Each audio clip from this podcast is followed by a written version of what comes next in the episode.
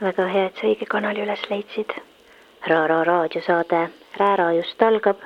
siin hakatakse kohe rääkima raamatutest. kisub põnevaks. ahoi, ristirahvas, ütleks Jumal siinkohal. taevas kisub kõrgeks, sügis astub maha, jälle kukub asju diivanite taha, ütleks klassik. tõsi on, sügis on käes, suvelugemised on otsas, algab tõsisem tegevus raamatute rindel ja tolle pärast oleme meiegi Hanneleelega tagasi siin ja mis muud, kui räägime raamatutest. aga enne seda, kui hakata raamatutest rääkima, räägime korraks natukene ühest majast, mis on Tõnismäel praegu tükkideks lahti võetud ja loodetavasti õnnestub ta ka kokku panna, kuigi iga kuuga, mis ehitus venib, läheb see paar miljonit kallimaks, nii et eks me näe kumb enne kohale jõuab, kas kilpkonn või Achilleus. aga, aga kuhugi kunagi kuidagi ikkagi jõutakse ja tollest majast, mis on olnud raamatuid täis, hetkel on raamatutest tühi, eh, on kirjutatud üks eh, omaette vahva raamat, see on Ivi Eenmaa lugu nimega Elu paralleelmaailmades ja mis räägib Eesti Rahvusraamatukogu Tõnismäe maja valmimisest, selle eelloost ja noh, järellood on meie teha ja kirjutada e,. igavesti huvitav lugemine e, just selles mõttes, et e, praeguse aja inimene ei suuda võib-olla täpselt aru saada, missugune jama oli Nõukogude aja lõpus ja uue Eesti aja alguses üldse igasuguse ehitamisega, saati veel säherduse mastaabiga objekti loomisega. siin on väga särtsakalt ja elavalt kirjeldatud äh, kogu tolle ajastu jaburust ja seda kõike ühe maja loo läbi see, et, et siin on ka palju pildimaterjali, on muidugi eriti vahva, mõnedel piltidel, kus maja alles valmib, näeb ta välja umbes niisugune, nagu ta praegu välja näeb päris jubedalt ehitati, ei ole midagi ütelda. See, see, see, mis praegu sealt välja tuleb ja, ja, ja välja paistab ja võib-olla tänavale nii väga ei paista, aga kui natukene sisse piiluda, siis küll. E, sisuliselt toimub ikkagi, ikkagi maja uuesti ehitamine. teate, ei ole mõtet ei raamatuid ega, ega maju teha nihukesi, mida peaks paarikümne aasta pärast uuesti ehitama noh, kui on ikka hea raamat kirjutatud äh, ja võib selle rõõmsasti klassikaks lugeda, siis noh, ei pea teda kogu aeg ümber tegema ega remontima. noh, tekst püsib ja, ja väärtus on ja, ja ehitistega suht sama lugu. aga soovitan kindlasti vaadata, sest Tõnismäe maja saab praegu kolmkümmend aastat vanaks. kui, kui Iivi Eenmaa selle, selle maja valmis ehitamise looga esimest korda ühele poole sai, äh, siis äh, siis sai ta ise parasjagu viiskümmend aastat vanaks maja avamise ajaks, nii et, et tegi oma juubeli puhul Eesti inimestele raamatukogu näol ilusa kingituse.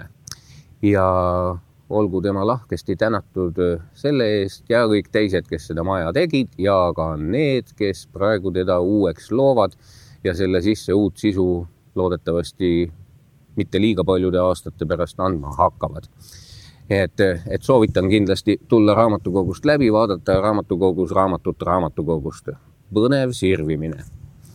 nii, aga lähme edasi kirjanduse kui säherduse juurde ja siinkohal annan ma sulle sõnajärje üle ja vaatame, millega sa jutu käima tõmbad ähm,.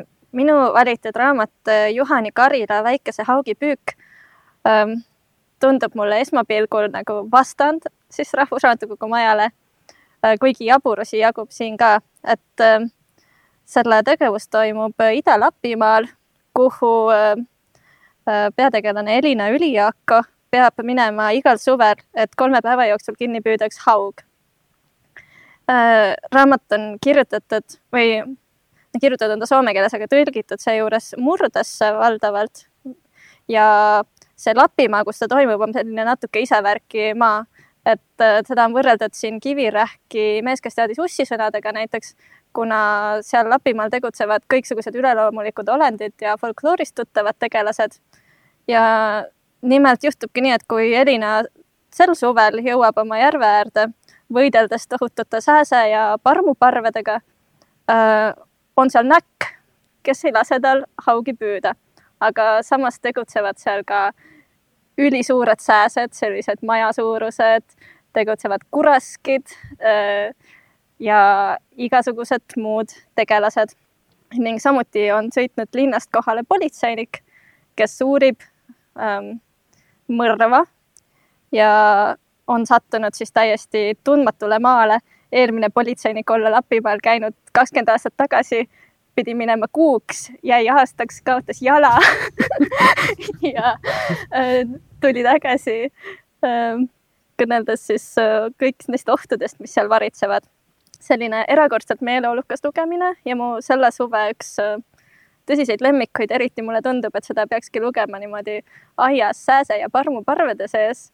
ja siis ähm, tuleb see nagu 4D lugemiselamus, et saab ühtlasi ka õige taustaheli, aga ma arvan, et sügisel veel on seda võimalust ja seenelkäikude vahele ja põdrakärbestega maadeldes äh, tunda, et vähemalt meil ei ole selliseid suuri hobusesuuruseid sääski, kes meid metsas jahiksid.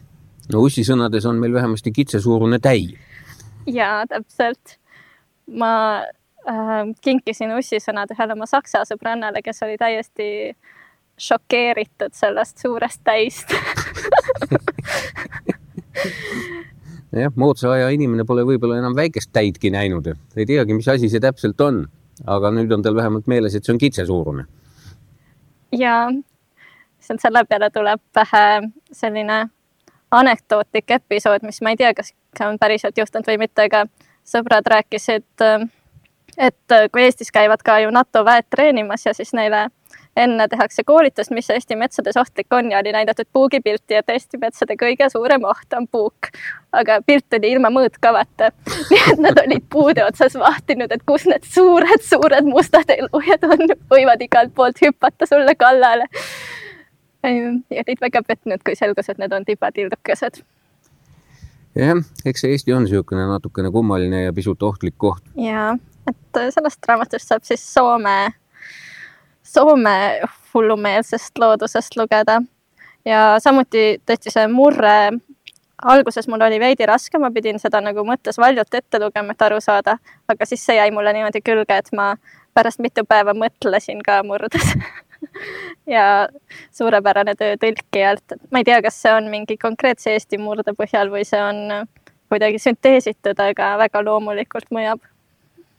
jätame selle tulevaste lugejate välja uurida ma ei oska ka ütelda praegu hetkel, aga ma kindlasti tahan seda lugeda sinu kirjelduse põhjal tuleb ette võtta. ja kui siin juba ussisõnadest ja kitsesuurustest elukatest juttu oli, siis, siis mul on siin ette võetud natukene moodsat klassikat ehk eh, Ivan Orava mälestused.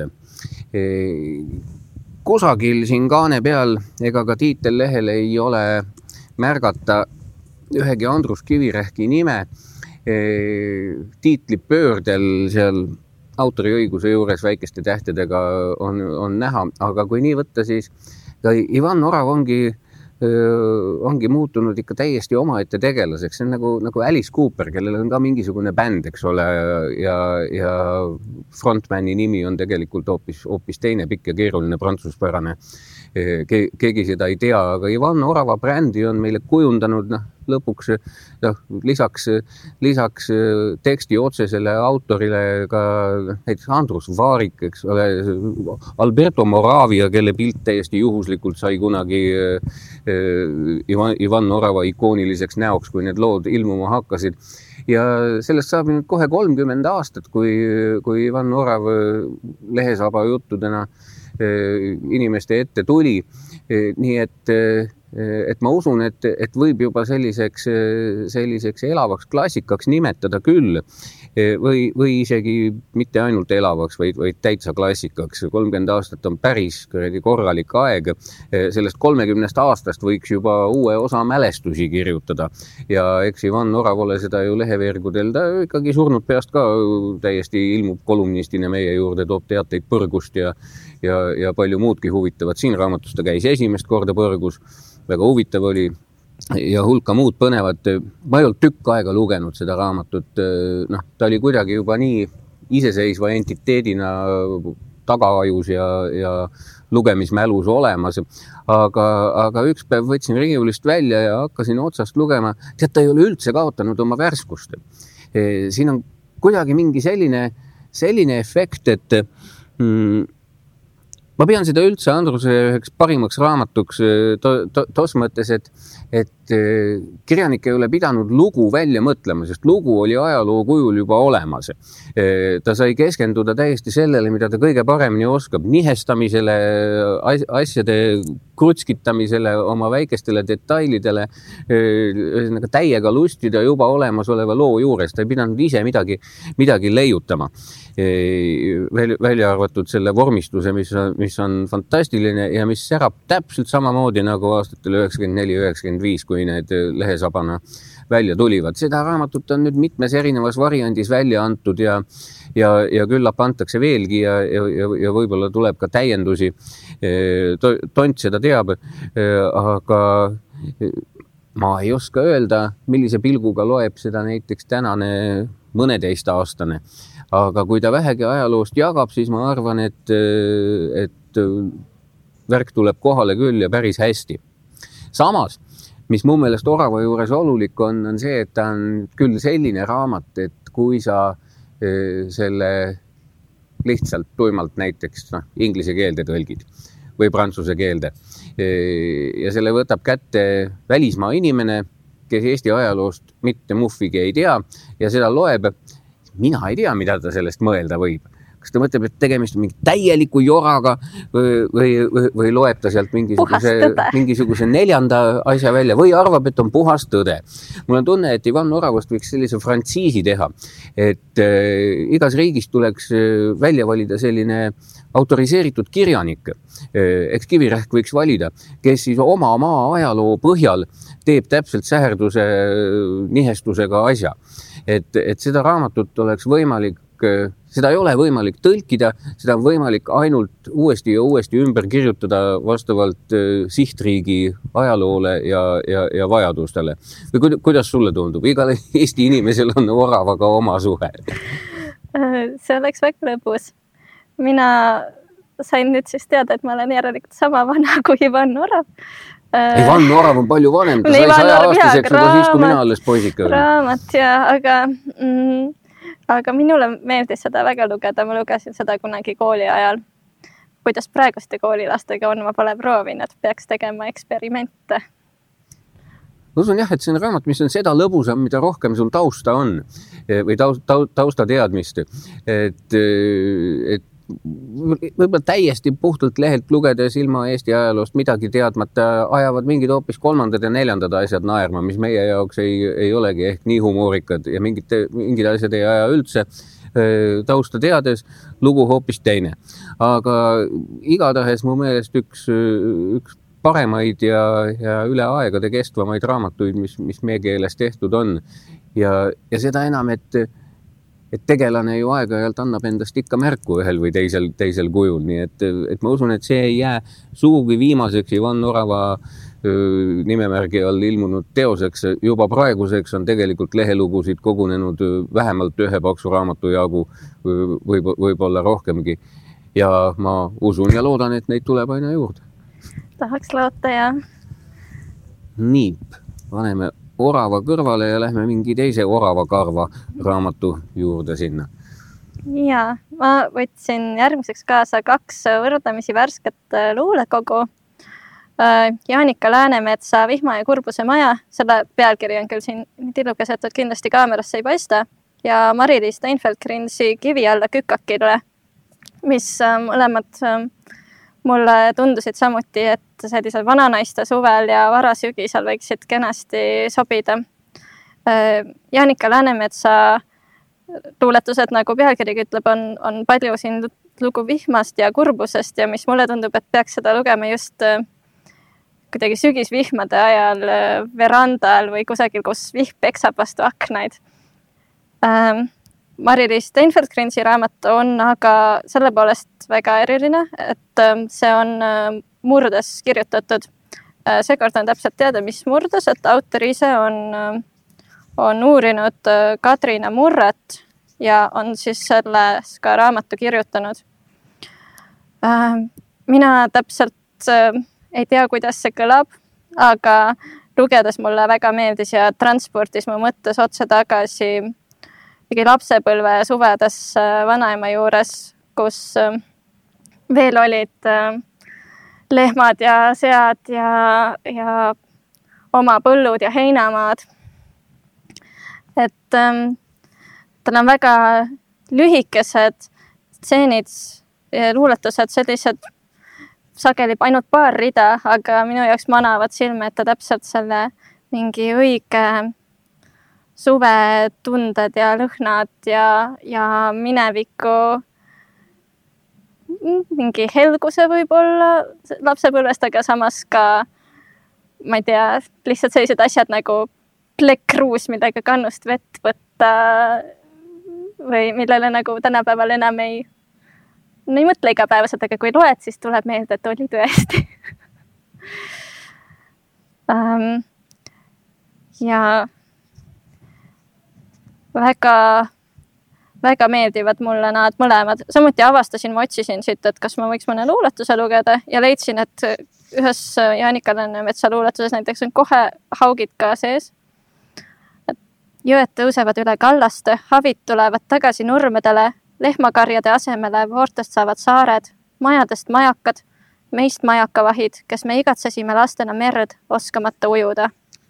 näiteks äh, tundsin kohe ennast ära, sest olles sisemaa laps, ma olen kohutavalt kehv ujuja ja nüüd ma käin suvitamas mere ääres ja ma tunnen peaaegu kadedust, kuidas mu sõbrad on nagu saarmad vees ja mina olen selline mingi maalind, kes on vette kukkunud ja siis plätserdab et see kõlas natukene hirmsasti küll, et kui ikka haugid tulevad ja lehmade asemele eh, sealt läheb juba kivirähki mõte läheks siit kohe edasi umbes selle peale, et nüüd me peame hakkama haugipiimast kodujuustu sööma ja, ja, ja midagi säherdust yeah.. aga. Juhani Karila need haugid on ka nagu, meil on Toonela luik kes teispoolsusega suhestub, siis, siis seal Lapimaal on haugid, kes käivad ja hinge transpordivad ühe ja teise maailma vahel, nii et kui nad tulevad heinamaale, siis võib-olla on veidi ohtlik värk no tead, hea, hea luule on, on niikuinii veidi ohtlik värk ja ma kardan, et, et see on ka suhteliselt poeetiline raamat, see Väikese haugi püük. et ega kirjanduses ohtusid jagub ega ei ole midagi nõnda, et lihtsalt kulged sujuvalt läbi ja, ja, ja kõik on tore. igasugust jama võib juhtuda, mida rohkem raamatuid loed, seda suuremaks oht läheb. aga noh, kuidagi me peame siin laveerima ja, ja ikkagi me soovitame raamatuid lugeda, eks ole, ja nend-, ja nendest rääkida. hea, hea, hea luulega, see on no,, luule on üldse eriti kange kraam, eks. et seal võib mingi väike rida võib sul täitsa ära pöörata. et aga, aga samas on luulega väga meeldiv, et saab võttagi näiteks, et võib-olla iga päev lööd ühe luuletuse ja, ja rohkem ei olegi vaja. E, jah, ja ütleme tootja poolelt vaadates e, luuletusega on see tore asi, et ta saab sul kohe valmis, sa saad teda kohe nautida, see on nagu, nagu mingit kooki küpsetada või praadi teha, eks, et, et teed valmis, on mõnus, sööd ära, inimesed on rõõmsad. E, aga noh romaani kirjutamine, see on nagu kuradi maja ehitamine, tead, et, et peab muudkui yeah. tegema ja tegema ja tegema ja kui sa ei tee, siis ka midagi ei juhtu ja valmis ei saa ega saa, eks ole. Pead kogu aeg tegema, luuletusega jess, tuli ära või siis noh, läks nässu, kõrbes ära, viska minema. täpselt nii, ja. niisugune riskiohje rakkerühm on tunduvalt vähem, saab tööd luule puhul oota, tahad, tahad sa nende luuletu, luuleraamatute kohta veel midagi öelda? või, lähme järgmiste ohtlike asjade juurde? Need, need on ka ohtlikud jah ja. ja.. sügis, toonid, värgid, siia sobib sügisesse inimeste saatmiseks suurepärane raamat Tervislikud seened. mulle on lapsest saadik seeneraamatud hirmsasti meeldinud. Neid oli neid oli juba siis igasuguseid, mõned olid välismaa keeltes, nendest said vähem aru, aga pildid olid ilusamad. mõned olid, olid eesti keeles, olid ka toredad. mäletan siiamaani lapsepõlvest mul oli lemmikseen ja nüüd on ta nagu päriselt lemmikseeneks saanud, sest ega ma toona neid kunagi üles leida ei osanud, oli, oli Kevadkogrits. see oli, esiteks ta näeb haruldaselt jabur välja ja, ja teiseks oli ta ainukene seeneraamatu seen, millel oli kolm mullikest, mis tähendas, et, et väga hea söögiseen ja oli ka kolm ristikest, mis tähendas surmavalt mürgine sest tõepoolest, kui sa kogritsat toorelt sööd, siis sured maha nagu kõpsti. aga kui sa ta ilusasti kaks korda läbi kupatad, siis ta on, on paganama maitsev ja pealegi kasvab ju kevadel siis, kui teised seened veel ei kasva ma mäletan varem, vahepeal oli aastaid, kui ma käisin spetsiaalselt maikuus Helsingi turul. noh, soomlased on ka tõsised kogritsahullud, eks. lihtsalt selleks, et, et osta suitsutatud hobuseliha ja kevadkogritsat, et nendest kahest sai kokku suurepärase, suurepärase muhennose või niisuguse hautise paksu kastme aga ka koogritsa supp suurepärane ja nõnda. siin seeneraamatus on nüüd asjadele lähenetud natukene teistmoodi. siin on, ta ei ole selline, selline ülevaatlik seeneraamat, mis enam-vähem annab sulle kõik seened kätte, mis, mis meie kandis kasvavad või, või üldse maailmas kasvavad.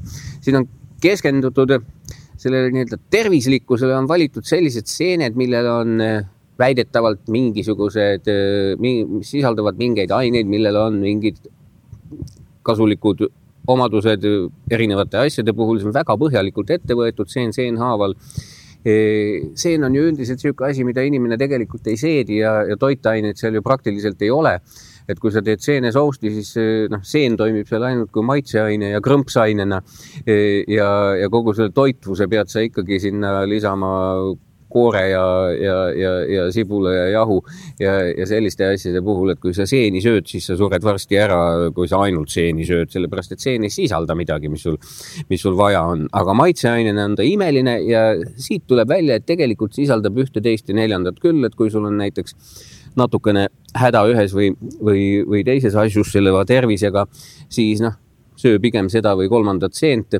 see on väga ilusasti lahti kirjutatud, see on põhjalikud teaduslikud artiklid sealjuures, on ka retsepte pandud juurde, aga ütleme sellele seene, seenesöögi aspektile on vähem rõhku pööratud, küll, küll aga on, on väga mõnusalt lahti kirjutatud kõik, kõik too, mis, mis seent ja inimlooma tervist ühendab nii et, et kellele vähegi, vähegi seened meeldivad, siis puhtalt juba huvi pärast lugemiseks ma seda raamatut äh, soovitaks, sest ta, ta on, ta on hästi kirjutatud, ta on põhjalik, ta on ülevaatlik, äh, aga, aga täiesti teise nurga alt, et siit mõnda, mõnda seent, mis sulle võib-olla väga meeldib ja on, on just nagu väga oluline seen, sa siit ei leia, sest äh, ütleme, nii-öelda terviseid toimeaineid ei pruugi seal sees olla küll aga leiad mõned kolmandad ja paljude kohta on, on, on üllatusi.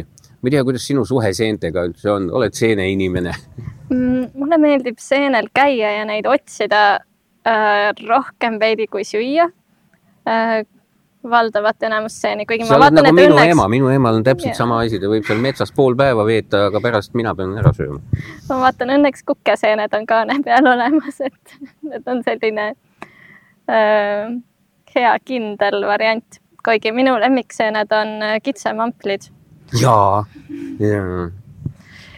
ja ei, mulle seenemetsas väga meeldib käia, mulle meeldib neid väga otsida ähm, ma ükskord leidsin ainult kolm männiriisikat ja need, needki olid suhteliselt väikesed. tead, ma sain nendest päris hea metsaseene sousti, ma kasutasin seda, seda paki sees valmis olevat eh, seenesuppi, panin natukene vähe, vähe, vähem vett, aga need männiriisikad hakkasin maru peeneks. kupatasin korralikult soolaga ära ja viskasin sinna seenesupi sisse vähema veega ja nad andsid täpselt nii palju maitset, et tuli metsaseene maitsega soustikene välja küll.